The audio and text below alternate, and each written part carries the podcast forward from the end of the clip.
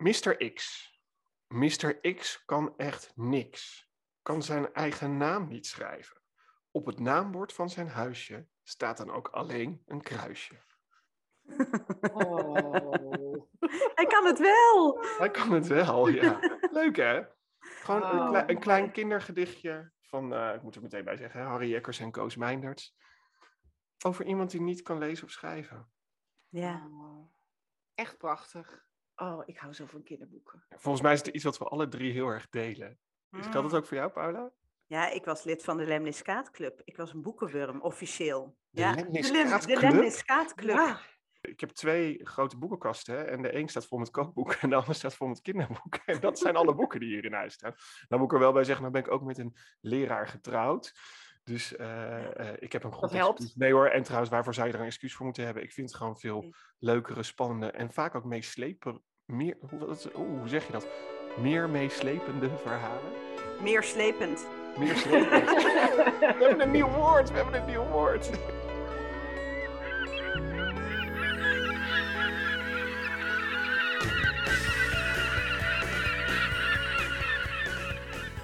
Wat waren eigenlijk jullie lievelingsschrijvers? Toen je zelf jong was? Guus Kuijer. Guus Kuijer voor jou? eh, en met Paula? Madelief. Oh ja. Ja. Ja, ik denk, nou, Astrid Lindgren, daar zijn wij mee opgegroeid. Mijn moeder is vertaler Zweeds. Ah, Ah. dus eh, Elsa Beskow, ook een Zweedse schrijfster, die ook in het Nederlands vertaald is met prachtige tekeningen. Dus ja, ik ben in die hoek, dat, daar zitten wel mijn lievelingsboeken. En ik denk Marieke en Lisbeth, ik weet niet of jullie dat kennen. Ja, zeker. Ja, en dan was ik eh, de ene en mijn zus de andere. dan, dan vochten we daar regelmatig ook om wie wie mocht zijn. Ik ben toch een beetje nog... Nou ja, vooral vond ik ook heel leuk de Roald Dahl generatie. Ah, ja, Mm. natuurlijk. Die Je boeken... bent iets eh, jonger, hè? verslonden. Misschien wel. nou ja, ik denk dat we. En eh, ik ben ontzettende fan van de kinderboeken van Koos Meinders. Ja. Eh, en ik heb daar ook laatst, dat is een van de laatste kinderboeken die ik zelf heb gekocht. Naar het Noorden heet dat, geloof ik, over de Tweede Wereldoorlog. Eigenlijk het beste boek wat ik ooit over de Tweede Wereldoorlog gelezen heb. Oh ja, qua oh, roman. En het is een kinderboek, maar het is zo indringend en mooi. En eh, wij hebben thuis alle twee gelezen en zaten met tranen in onze dat? ogen. Dat het, naar het Noorden heet het. Oh, goed. Zullen we eh, dit keer eh, bij onze aflevering gewoon een, allemaal een eigen top 10 neerzetten? Ja, Oh, van, kinderboeken uit zowel nieuw als oud. Ja, Ja, want er zijn Gaan er we doen. hele Er komen, mooie nieuwe uit ook. Ja, er komt dus, er komen dus drie top tientjes. ja drie Ja. top 10'tjes. Oeh, leuk. Er is nog één schrijver waar wij het nu nog niet over hebben gehad. Maar daar ben ik dus echt fan van. Annie M. G. Schmid. Oh, natuurlijk. Ja. Ja, Zij is is, zij is ongeëvenaard. Zij is Ja. ongeëvenaard. En tijdloos, Ja. Ja. in zekere zin. Ja. Die taligheid, dus het spelen met taal, de, de muzikaliteit in de taal. Waanzinnig wat zij doet. Ja, maar jongens, jullie weten het hè. Haar taal, ook wel Jip en Janneke taal genoemd. Mm. Dat staat toch echt wel synoniem voor hele simpele en makkelijke taal, toch? En dat is het totaal niet. Dat is, het- dat is het niet. Het, is, Nee. eh, het is zo gelaagd. Het, ja, ik, ik ben een groot fan. Eh, bij, tijdens mijn presentatietrainingen vraag ik vaak de eh, presentatoren om te werken met de Spin Sebastiaan. Oh ja. Omdat dat het gedicht is in de Nederlandse taal waar volgens mij de meeste emotie in zit. Eh, zowel van de eh, onverschrokken Spin Sebastiaan die een eh, web gaat spinnen, als van zijn vriendjes die hem waarschuwen om dat niet te doen. Als Oh. je alle emotie juist kan overbrengen eh, zonder te gaan acteren, dan eh, ben je voor mij geslaagd voor je presentatie. Oh, wat leuk. Ja, het is ga, meteen, ga meteen oefenen volgende keer, ja, als ik je weer tegenkom. heel goed. Heel goed. Maar jongens, dat, dat Jip en Janneke taal, want dat is ook natuurlijk een beetje waar we het vandaag wel over gaan hebben. Volgens mij komen jullie dat alle drie tegen. Paula, ik denk dat jij het, eh, dat, dat woord bijna Oh. dagelijks misschien wel hoort. ja, en het, het- het- naar mijn idee wordt, het, wordt Jip en Janneke eigenlijk wordt die term misbruikt. Hij is in, of, of misbruikt, hij is misplaatst. Ehm, ik weet nog de eerste keer dat ik, dat ik de term hoorde. Ik kwam een training geven. Het was misschien al wel twintig jaar geleden in een van mijn eerste trainingen. En ik werd voorgesteld als, nou, dit is Paula van Gemen, de trainer. En zij leert ons eh, Jip en Janneke taal schrijven. En ik dacht, wat, wat, wat, vertelt die, wat, vertelt die, wat vertelt die persoon nu? En ik zag een paar boze ambtenaren eh, zo eh, morg naar me zitten kijken. En dan dacht je, maar ik kom helemaal geen Jip en Janneke taal. Ik kom jullie helemaal geen Jip en taal leren. Want Jip en Janneke is, is voor mij een, een totaal ander verhaal dan wat ik kom doen. Dat is, ik leer jullie in heldere taal schrijven, in gewone mensentaal. En Jip en Janneke vind ik juist helemaal niet altijd zo simpel. Hè? Er zit, nou ja, wat jij ook zegt, Sanne, daar zit zoveel meer in. Zoveel emotie, zoveel gelaagdheid en woordspelletjes of woordspelingen. Ehm, dus ik vind de term Jip en Janneke eigenlijk heel misplaatst. En ik merk ook dat die heel vaak weerstand oproept bij mensen. Dat merken jullie denk ik ook. Oh, ik merk het zeker. Weet je, ik, sowieso bij mezelf uh, merk ik het. Maar als iemand er weer over begint. Maar het zit hem er vooral in dat ik heel vaak hoor van, oh ja, uh, oh ja, uh, Lodewijk, kan jij dit nog eventjes voor vanmiddag vijf uur in Jip en Janneke taal zetten, zodat iedereen het begrijpt? Nou, dan begin ik eerst met een discussie over wat wil je dan precies. ik heb het één keer heb ik ook gewoon alles op rijm gezet toen iemand me dat vroeg. oh, maar dat, dat vroeg je toch? Ja. Maar goed, dat is, dat is, een tip voor onze luisteraars. Als iemand je, als iemand je dat vraagt, doe dat eens een keer. Uh, maar Sanne, en jij vanuit jouw werk? Ja, het, het wordt heel vaak gebruikt en misplaatst. Ik vind dat, ik vind dat de juiste manier om het aan te duiden. Ik vind sowieso Jip en Janneke is ouderwets. Als je naar een Jip en Janneke boekje kijkt, het is hmm. ouderwets. Het is man-vrouw rolbevestigend. Het is gedateerd. Het is gewoon niet van deze tijd. En wat ik het allerbelangrijkste vind, wanneer tekstschrijvers het hebben over Jip en Janneke, dan uh, denk ik, voor wie schrijf je nou eigenlijk? Want je schrijft niet voor een kind. Jip en Janneke is geschreven voor kinderen. En de mensen voor wie jij wilt schrijven zijn geen kinderen. Je hoeft niet door je knieën te gaan om een heldere tekst te kunnen schrijven. Dus dat is wat ik er het. Het, het is in die zin ook niet plaats dat het helemaal de mensen verkeerd focust. Je gaat niet voor kinderen schrijven. Dus dat is wat mij irritatie is. De mensen voor wie je aan het werk bent, zijn geen kinderen. Maar weet je, wij kunnen natuurlijk met z'n drieën heel erg lang over uh, kindertaal gaan praten en over Jip en Janneke taal, wat het betekent. Maar we hebben een onwijs leuke gast voor vandaag uitgenodigd. En dat is een kinderboekenschrijver. Dus volgens mij, die weet alles over, over wat dan Jip en Janneke taal wel of niet is. En of er inderdaad een verschil zit tussen tegen kinderen praten en tegen volwassenen. Wat mij betreft gaan we haar erbij halen. Het is the one and only Betty Sluizer. En misschien dat mensen denken, Betty Sluizer, waar ken ik die naam ook weer van? Nou, zij uh, is uh, een van de auteurs van al de Vandales geweest, dus de woordenboeken voor hele jonge kinderen. Dag Betty, welkom bij onze podcast. Um, wat, wat mij uh, enorm fascineert aan mensen is wat ze met taal hebben. Hoe zit dat bij jou? Heel veel heb ik met taal. Um, dat begon eigenlijk al thuis, omdat ik uit een eh, familie kom uh, die voortdurend verhalen vertelde aan elkaar. En vooral erg van overdrijven hielden. Um, en dat betekent dat ik dat ook doe. Ik hou daar ook erg van. Uh, als ik ooit een workshop gaf, dan zeg ik ook erbij dat ik graag overdrijf. Dus dat je een beetje met korreltjes zout moet nemen wat ik zeg. Uh, dus vanaf het begin is dat eigenlijk al zo. En ik ben heel veel voorgelezen. En mijn vader was ook, en mijn moeder ook, waren gek op boeken. En um, uh, dat maakt dat, dat je vanzelf dan taal ook leuk vindt.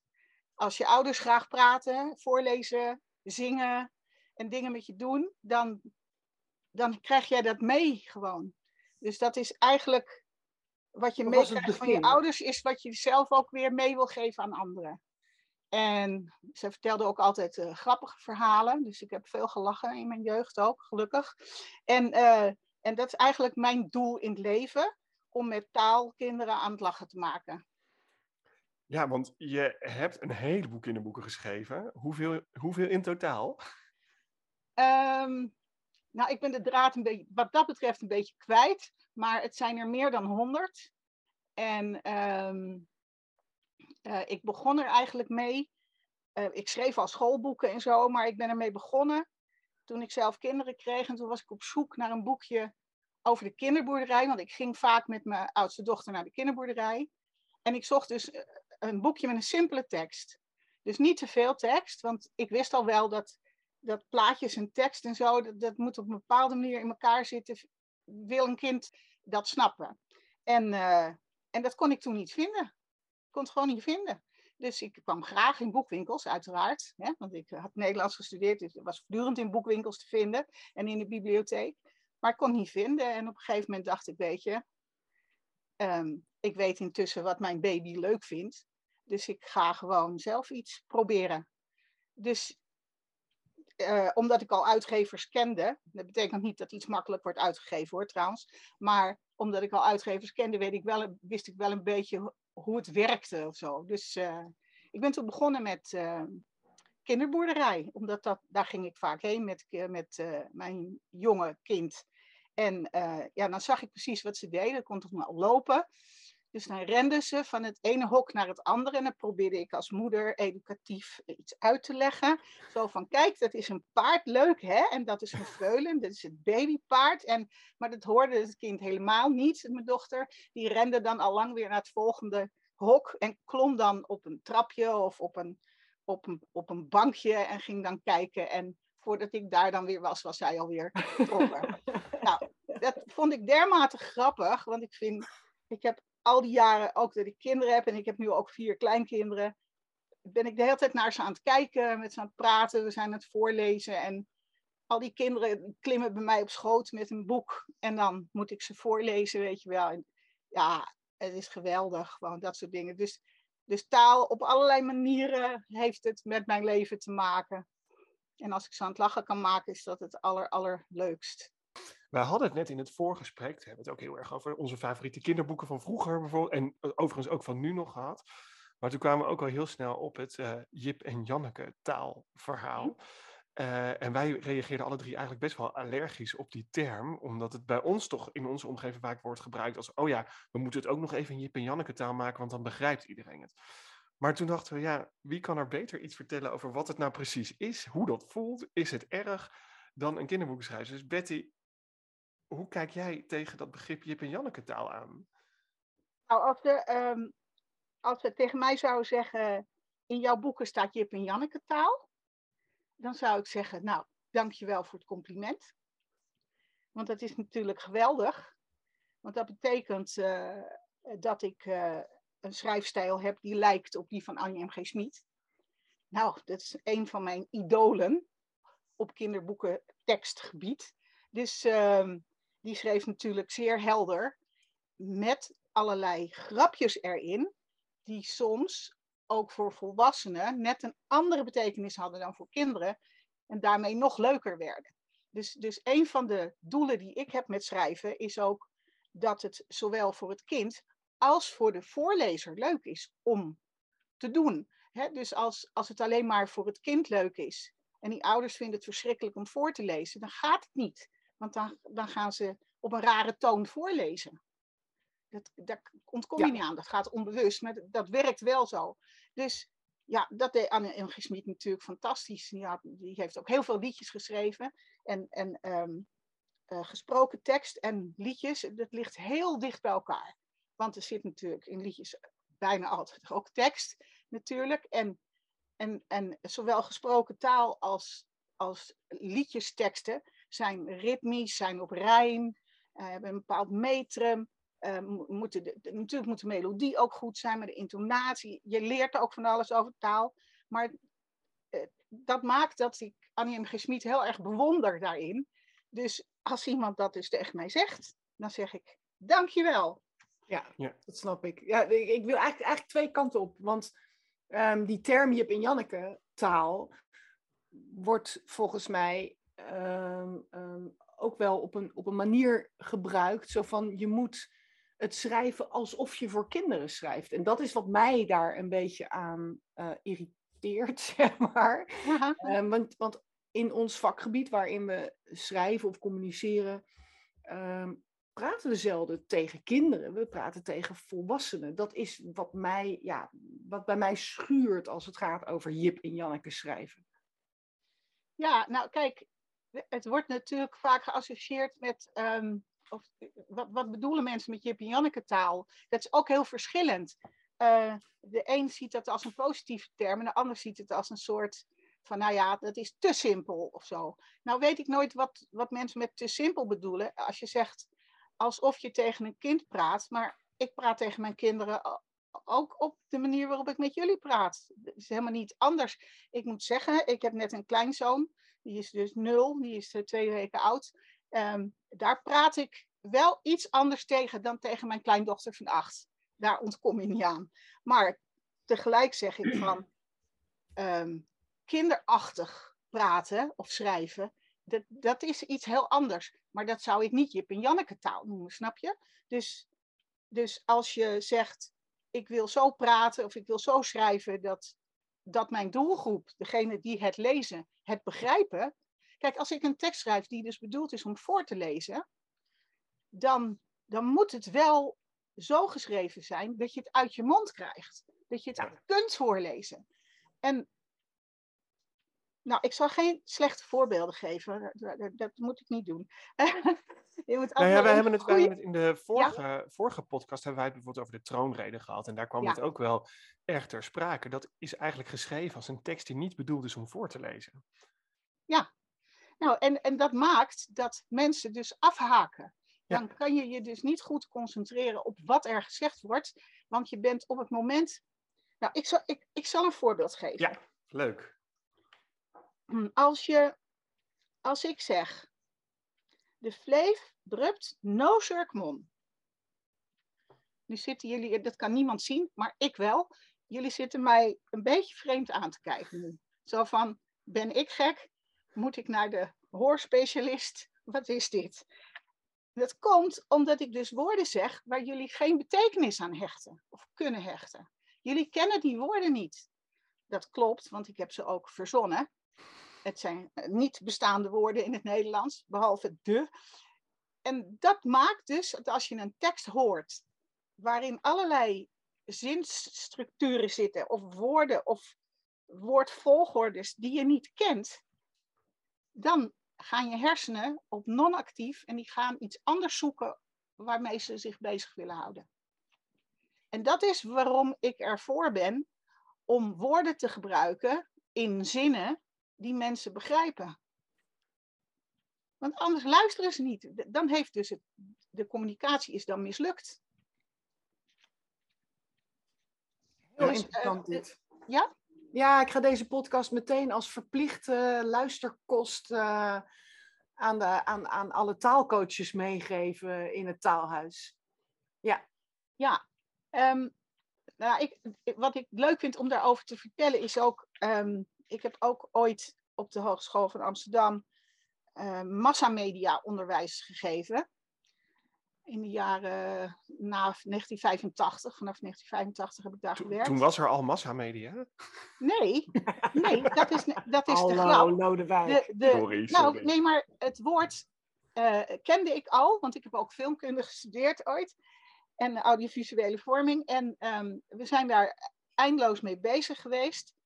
Um, en wat blijkt nou, er zijn ook wetenschappelijk onderzoek naar gedaan, van en het gaat over kinderboeken hoor, nog steeds, maar ik, ik heb het even over het nieuws, het journaal. Of welk nieuwsbericht dan ook. Oké, okay, Sanne, goed opletten. Ja, ja. Nou, als, als de tekst en het beeld niet bij elkaar passen, wat wel eens gebeurt door een fout, of doordat iemand, nou ja, weet ik voor hoe dat Doordat iemand er gewoon een plaatje bijgezocht heeft. Bijgezocht heeft, wat niet helemaal naadloos past, dan blijft het beeld hangen en de tekst niet. Dat is wat onze hersenen doen. Dus het beeld is belangrijker dan de tekst. Uh, taal heeft dus wel heel veel invloed. Ik bedoel, dat wil ik niet zeggen. Maar even terug naar de kinderboeken. Als je dus in een kinderboek voor, en dan heb ik het dus niet alleen over heel jonge kinderen, maar ook oudere kinderen. Mhm. Als je dus plaatjes daarin doet, illustraties daarin doet, die niet naadloos passen, dan is dat misschien zeer literair en kunstzinnig. Ik bedoel, daar is niks tegen, overigens. Het is ook leuk. Maar dan heb je kans dat dus de tekst niet goed doorkomt bij de kinderen. Ja, ik kan dat alleen maar onderschrijven. Ik heb uh, eh, 15 jaar lang teksten geschreven bij televisiebeelden. En ehm, ja, als het niet past, dan blijft er van het hele verhaal niets over. Nee, Dan moduleert het alleen maar. Ja, precies. Ik heb het uitgetest met studenten ook. Want ik had eh, toen nog met de videorecorder nam ik heel veel eh, stukken van programma's op. En dan, ehm, eh, dan liet ik het beeld zien. Nee, liet ik dat stukje nieuwsbericht zien. En, ehm, en dan vroeg ik daarna, en dat was, ik weet nog goed, dat ging over eh, de AEX-index. Dus het ging over eh, geld en zo. En toen ehm, eh, zag je in beeld een waterglijbaan in een, in een ehm, vakantiepark. Ja. Nou, dus dat was heel erg leuk. En toen liet ik dat zien, dat fragment. En toen zei ik, oké, wie kan mij vertellen waar dit stukje over ging? Nou, iedereen had het over vakantie en vakantieparken. Want Ja. dat is wat je ziet. En dat is de associatie. Ik vind dit sowieso een heel belangrijke tip die wij eh, meenemen in deze podcast. Want dat doen we altijd, Betty. Ehm, wanneer we de podcast plaatsen, dan zetten we op de website ook wat tips die de gast gegeven heeft. En ehm, eh, beeld en tekst moeten naadloos over elkaar, bij elkaar passen. Mhm. Eh, dat vind ik al een belangrijke tip, want we werken meer en meer met beelden. Ehm, er is nu een hele discussie gaande in Nederland over eh, eh, of de plaatjes die we maken eh, wel passen bij de tekst en de, bij Ja, de dingen ja. die we willen uitleggen. Dus dat is, een, ja, dat is sowieso een belangrijke tip, dat je daar goed op moet letten of het plaatje wel precies zegt wat je bedoelt. Nou, wa- wat, wat ik dus ehm, eh, altijd zeg in mijn workshops over voorlezen, is dat je voor heel jonge kinderen, dus dan ook als de, het plaatje op de linkerbladzij niet hetzelfde is als het plaatje op de rechterbladzij, dat het niet één beeld is, dan moet je eigenlijk één bladzij afdekken. Nou, ehm, ik zat Ah. mijn eh, kleinkind, die vandaag, vandaag overigens twee is geworden, eh, voor te lezen uit ehm, mijn eerste Vandalen voorlees, eh, babyboekje. Ja? En dan zie je op de linkerbladzijde een koe en op de rechterbladzijde een varken. En het- ik had het boekje open, dus een favoriet boekje van mijn kleinkind. En ik lees dus voor. Ze is zwart met wit. Ze zegt vaak boe. Haar kind heet kalf. Het is een varken, zei mijn kleinkind. Dat zijn ogen Oh, die zat die naar dat, zat die zat naar namelijk dat varken te Te kijken. kijken naar het varken. Dit is trouwens echt Ja. iets wat je eh, eh, zeg maar in, de, in de wereld van de professional en de presentaties natuurlijk heel vaak ziet. Bijvoorbeeld bij het gebruik van PowerPoints. Oh, hou op. Duidelijk, en dan staan daar een heleboel plaatjes op, maar iemand begint zijn verhaal bij een plaatje trouwens. Dat is vaak ook nog niet eens het eerste plaatje. Soms denkt iemand dat het heel leuk is om met het middelste plaatje te beginnen. En, Ja. en, en ondertussen ben je naar al die plaatjes aan het kijken, of bijvoorbeeld alle teksten aan het lezen. Als iemand hem weer zo'n PowerPoint met. Daar geldt natuurlijk precies datzelfde principe. Ja. Daar moet je dus goed over nadenken. Nou, en Wat, wat is- doe je is- eigenlijk je publiek aan en wat wil je van je publiek? Ja, nee, zeker Maar ik vind, waar. het is natuurlijk een beetje hetzelfde. Ja, goed, ik moet ik dan rijmend denken, maar dat is natuurlijk hetzelfde als dat ork, ork, ork, soep eet je met een. Precies. Daar kunnen we trouwens niks aan doen, hè? Eh, Nee. De soep eet je met een. En, en het punt is dat je dus. onze hersenen zijn helemaal geconditioneerd op rijm. Want onze hersenen vinden alles wat hetzelfde is fijn. Hè, Ja. Dus het is bijna hetzelfde. Dan, eindrijm is natuurlijk. Dan is het laatste stukje wel precies hetzelfde. En herhaling, dat is ook iets waar onze hersenen heel erg blij van worden. Dus eh, eh, dat zeg ik ook wel eens in die workshops van. eh, kijk, kinderen willen soms dertig keer hetzelfde versje horen, of hetzelfde liedje horen, of hetzelfde stukje tekst. Weet je wel? En ehm, ja, dat, dat is helemaal prima, want dat vinden onze hersenen fijn. Maar wij hebben als, als voorlezer natuurlijk ook de taak om ze iets, iets meer te laten zien van de wereld dan alleen dat ene versje wat ze leuk vinden. Ehm, dus. ehm, ehm, Ik, ik, ik, heb nog een, ik had nog een tweede sorry, vraag, eh, Betty. Want, want we hadden het eerder over, over Annie M. G. Schmid. Ja. En over ritme in de taal. Jij noemt net al herhaling en rijm. Ja, ja. Jij gebruikt zelf vaak ook muziek. eh, hè? Ja. Er zijn veel liedjes die passen bij jouw eh, boeken en bij, Ja. jou, nou ja, bij, bij de dingen die je publiceert. Ehm, ik heb natuurlijk veel te maken met mensen die de taal moeten leren. Ja. En ehm, ik vraag me af, hoe belangrijk is ritme in een taal? Zelf schrijf ik graag ritmisch. als ik mijn teksten voorlees of, of moet voordragen. Ik werkte bij een televisiezender waar je geen autocue had. Dus je moest ze goed uit je hoofd kunnen leren eigenlijk. Ja, zonder dat je melodijn. eraan kon horen. Maar dan helpt een zekere, zeker ritme. Wat, hoe belangrijk vind jij ritme als het gaat over een taal leren begrijpen of leren verstaan? Nou, omdat het bij baby's al onderzocht is dat ze beter luisteren naar als eh, eh, mama in dit geval eh, een liedje zingt of een versje opzegt, dan dat ze gewone tekst zegt. Ja, wauw. Oké. Ja. En dat, dat maakt dus dat, dat daar luisteren ze gewoon beter naar. En, en ook, ik heb natuurlijk heel veel voor kinderen van tussen 0 en 12 jaar. Eh, daar heb ik voorleesvoorstellingen voor gegeven. En ik ben veel in de klassen geweest en zo.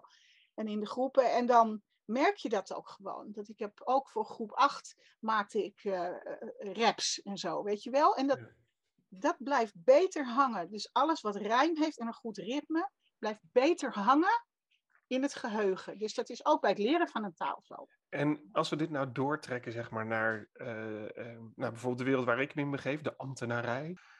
Als je een tekst schrijft, kan je dan met dat ritme rekening houden? Ook in geschreven tekst, die ook als een geschreven tekst, zeg maar, wordt, eh, bijvoorbeeld in een brief. Ja, zeker. Hoe doe je dat? Ehm, eh, nou, het is eigenlijk alsof je vraagt van hoe, hoe maak je een tekst. Nou, nou, ik weet het. Je moet zorgen dat als je een tekst geschreven hebt, dan moet je hem eigenlijk even hardop lezen. Mhm. Want als je hem hardop leest, dan hoor je zelf of er een ritme in zit of niet. En ehm, bij het leren van een vreemde taal is een van die dingen niet, niet alleen dus dat, dat ritme, maar ook nog de woordvolgorde. Ja. Ehm, en dat, dat is eigenlijk wat je nooit leert in een taalkursus. Dus we beginnen altijd met allemaal losse woorden, weet je wel. Zo hebben we ook vroeger op school taalonderwijs gehad natuurlijk. Je leert allemaal losse woorden en je leert grammatica, waarvan je Ja. je hele leven denkt, wat heb ik daaraan? Maar daar ben ik dus nu achter. Dat het dus die grammatica, dus die, de, hoe zit de zin in elkaar? Welke woorden horen bij elkaar? Welke woordengroepen kun je bij elkaar verplaatsen naar een ander deel in de zin? Als dat kan, dan snap je hoe een zin in elkaar zit. Ja. En dus Ja. het voordeel van dat hardop voorlezen is ook dat je dat dan ook hoort. Want ik, Ja. her- ik herken ook bij mezelf, hè, soms schrijf je iets op en pas als je het hardop voorleest, denk je, hé, deze zin loopt eigenlijk helemaal niet lekker.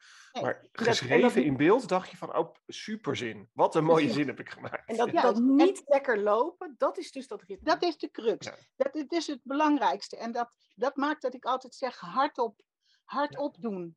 Weet je wel? En ehm, ehm, daar kan je lang mee bezig zijn. Dat is, eh, dus dat klinkt als van nou, dat doe je toch zo. Maar dat is dus niet zo. Want een, een liedje schrijven, dat heb ik ook geleerd.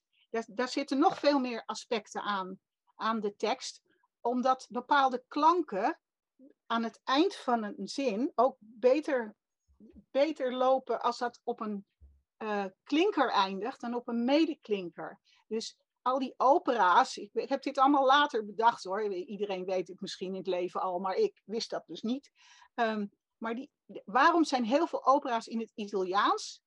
Ehm, nou, misschien omdat daar veel componisten vandaan komen, maar Ja. ook omdat ze dus heel veel woorden hebben die op een A eindigen. Of op een O eindigen. En dat zijn dus klinkers. En die kan je heel lang aanhouden. Ja, ja. Want als een woord eindigt een op een T, ja, dan, krijg je, zoals hart, bijvoorbeeld hart, dan krijg je iets van hart. Rut. Dat, dat, dat loopt dus niet. Nou, Ah, en daarom, dat heb ik ook wel eens gehoord, daarom eh, zijn Nederlandse musicals vaak slecht te verstaan. Omdat je dat probleem krijgt. Dus, Ja. eh, en ja, dat doen dus ze blijkbaar heb ik best. dat alleen bedacht dan, of zo. Maar Ja. nou goed. Ehm, want Betty, je bent natuurlijk echt bekend, eh, bij mij vooral, door alle mooie rijmpjes eh, eh, die je hebt gemaakt, ook voor de Vandalen en al die kinderboeken die je hebt geschreven. Ik ga toch even mijn favorieten even delen, want ik, ik heb heel veel voorgelezen aan mijn neefjes en nichtjes en deze moest honderd keer, omdat hij ook gewoon kont heet. Dat is zo'n heerlijk rijmpje. Ga eens zitten op je billen, ga eens zitten op je kont, op een stoel of op een kussen, of gewoon maar op de grond. Nou, nog een keer, nog een keer. Zo ging dat. Maar dit, dit lijkt heel simpel, maar dit had ik niet kunnen bedenken. Hoe is dat nou schrijven voor kinderen? Hoe doe je dat? Nou, dus hoe ik het heb gedaan altijd is, sowieso hou ik van kinderen. Vind ik het leuk om naar ze te kijken. Heb ik ontzettend veel plezier erin om naar ze te luisteren. Um, ik zie wat ze leuk vinden. En je weet gewoon intussen ook als je zelf kinderen hebt, maar ook als je veel naar ze kijkt, gewoon welke woorden ze leuk vinden. Wat, wat triggert nou een emotie? Waar worden ze blij van? Waar worden ze verdrietig van? En er zijn woorden die, die maken, bijvoorbeeld als jij zelf boos bent en je toon is boos, maar je zou ook nog zeggen ik ben boos, dan wordt dat kind ook heel verdrietig. En, en, en, want die voelt dan die emotie heel goed, alleen al door de toon en ook door de woorden. Dus er zijn leuke woorden en er zijn zeg maar niet leuke woorden, om het heel eenvoudig te zeggen. Ja. En um, nou, hele leuke woorden zijn bil en kont en dat soort woorden. Stout is ook een heel leuk woord. Um, en lekker is ook een heel leuk woord. En mooi, weet je wel. En leuk. Maar uh, ja, en, maar vooral ook nee. Dat zijn hele goede woorden. Daar houden ze van. Hè? Nee, vooral is een van de vroegst geleerde woorden volgens mij bij kinderen. Um, uh, en, maar er zijn ook, ook dus woorden die je eigenlijk zo min mogelijk moet gebruiken. En dan heb ik het even over heel jonge kinderen. Nou, en uh, dus, je, dus je hebt de keuze van de woorden. Welke woorden kies je nou? Die maken dat die kinderen ergens blij van worden. Dan kies ik zelf altijd ook voor actieve taal, zoveel mogelijk. Dus dat ze iets kunnen doen, weet je wel. Dus ik doe even over ritme gesproken en over woordvolgorde en, en intonatie en rijm, wat ze dus beter onthouden. Um, is dit het versje van de olifant uit mijn eerste vandalen. En dat zijn dus de duizend vroegst geleerde woorden uit de spreektaal van kinderen. Van ongeveer twee jaar. Groot en grijs, een lange snuit, daar spuit hij soms water uit. Hij loopt langzaam door het zand. Dit hier is een olifant. Nou, en, en, en, met kinderen doe ik hem dan overdreven in dat ritme. Ook in workshops. En dat doe ik altijd groot en grijs. Een lange snuit. Daar spuit hij soms water uit. Hij loopt langzaam door het zand. Dit dier is een olifant. Dan ga je even met je toon omhoog, weet je wel. En dan doet de hele groep mee. Olifant. Dan sta je als een soort dirigent voor de groep. En dan gaan ze precies daarin mee. En dat, dat is eigenlijk precies wat ik wil. Want dan dan krijg je een soort, soort groep die meedoet. En, die, die dan, en dan wordt de tekst van hun. Dat is iets wat ik ook het allerleukst vind, ook bij oudere kinderen als ik schrijf. En ik was in de klas, dan zeiden ze, dan zei ik welk boek hebben jullie gelezen of hoeveel boeken hebben jullie gelezen en uh, wie heeft er meer dan twee boeken van mij gelezen. Nou, dat was al leuk in het begin. En dan was er altijd wel een kind en dan zei ik, heb je wel een keer gelachen? Wie heeft er één keer gelachen? Nou, en dan sta ik dus aan mijn vinger. Ik heb veel vaker gelachen. Nou, echt superleuk. En dan zei ik, waar moest je om lachen? En, uh, en dan gaan ze mij het verhaal vertellen uit mijn boek. Ja, ja, ja, ja, ja, ja. nou, weet je, dan ben je gewoon gelukt. Ja, ja en weet je wat ik nou zo mooi vind? Wat ik zo, wat ik zo prachtig vind aan dat je dit vertelt, dat als ik hem doorvertaal naar uh, bijvoorbeeld een overheid of bijvoorbeeld een bedrijf, wat iets. Dit is precies wat je wil met je tekst wat je wil met je tekst is dat de mensen gaan meedoen, het gaan doen, het effect wordt bereikt. En dat ze jou misschien gaan vertellen wat er in jouw brief stond. En het gekke is dat, dat er, nou ja, wat jij vertelt zo logisch klinkt, maar dat we dat ergens gaandeweg dan kwijtraken. En dan zeg ik niet dat je uh, een oproep tot vaccineren op rij moet gaan zetten. Misschien trouwens wel. Maar, maar of, of vaker moet herhalen met dezelfde taal en niet steeds wat anders.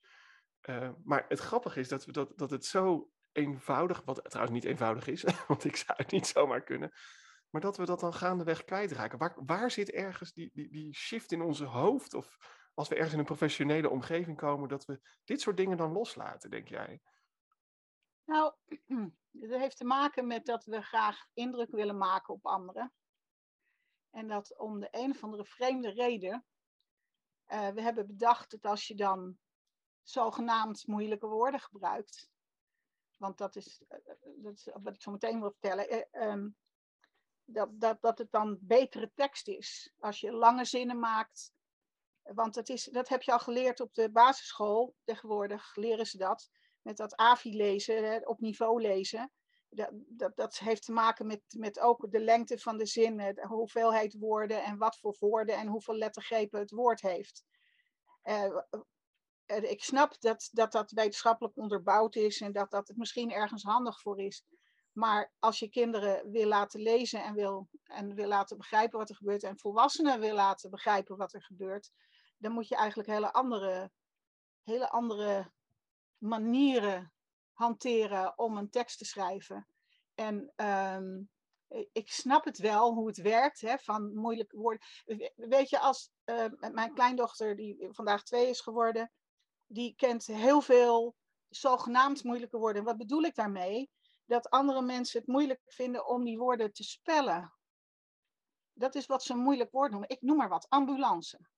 Nou, dat woord kent ze al lang. Ze weet al lang dat dat ook zieke auto heet. Dus ze kent ook mhm. al een synoniem, zoals je dat noemt. En, um, um, maar andere mensen zullen zeggen van, uh, goh, wat kent ze veel moeilijke woorden. Waarom is dat woord moeilijk? Het is heel makkelijk uit te spreken.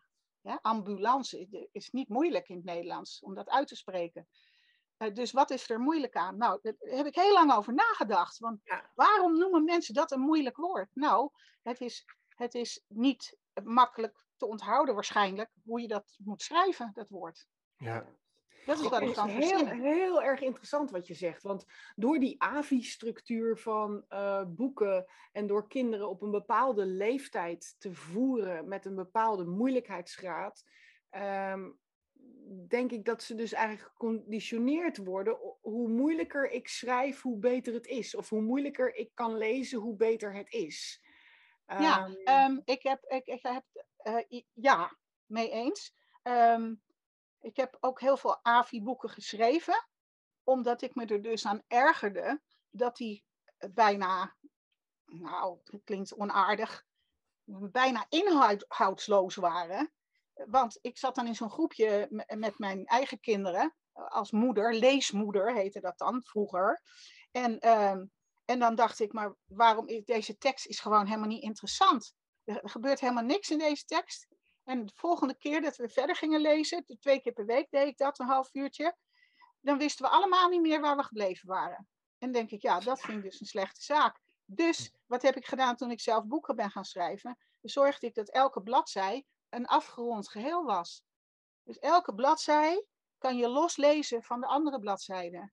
En dan heb je nog steeds een, een soort zinnige stukje wat je kunt onthouden. Als er niks in gebeurt in die ene bladzij, ja, dat onthoudt dan ook geen kind natuurlijk. Dus, en dat geldt ook voor volwassenen. Dus, dus eh, wat je ze mee zou kunnen geven is van zorg dat elk A4'tje wat je vol typt, dat daar een iets in staat wat ze kunnen onthouden. Wat je kan onthouden. Wat wil je dat ze onthouden? Wat wil je dat ze zeggen waar deze bladzij over gaat? Ja. Betty, je hebt ons echt eigenlijk zonder dat we dat verwacht hadden, zo ontzettend veel tips gegeven. En ik zie ook uh, uh, op de gezichten van mijn mede-presentatoren een diepe glim, of een grote glimlach.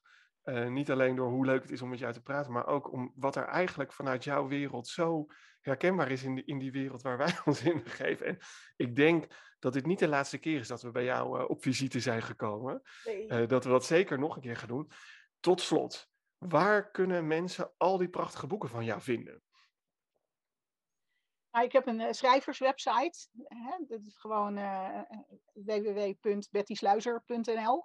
Maken we even een mooi linkje naar onder onze podcast. Uh, nee, Betty, ik wil je ontzettend bedanken. We hebben heel veel tips van jou gegeven. We gaan ze ook nog even mooi verzamelen onder deze podcast.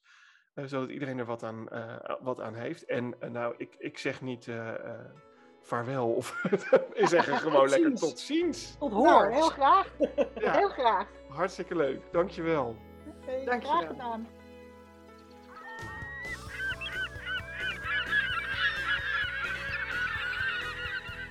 Wat leuk dat je weer luisterde naar Wat bedoel je? Een podcast van De Zwerm. En De Zwerm, dat zijn jij en wij. Sanne Boswinkel, Paula van Gemen en Lodewijk van Noord. Heb je tips of wil je reageren? Stuur dan een e-mail naar dezwermpodcast@gmail.com. En je kan ook onze website bezoeken en je dan abonneren en alle afleveringen terugluisteren. En ons websiteadres is www www.watbedoeljepodcast.nl Je kan ons ook vinden op LinkedIn en natuurlijk kan je gewoon lekker luisteren via Apple en Spotify. Tot de volgende keer.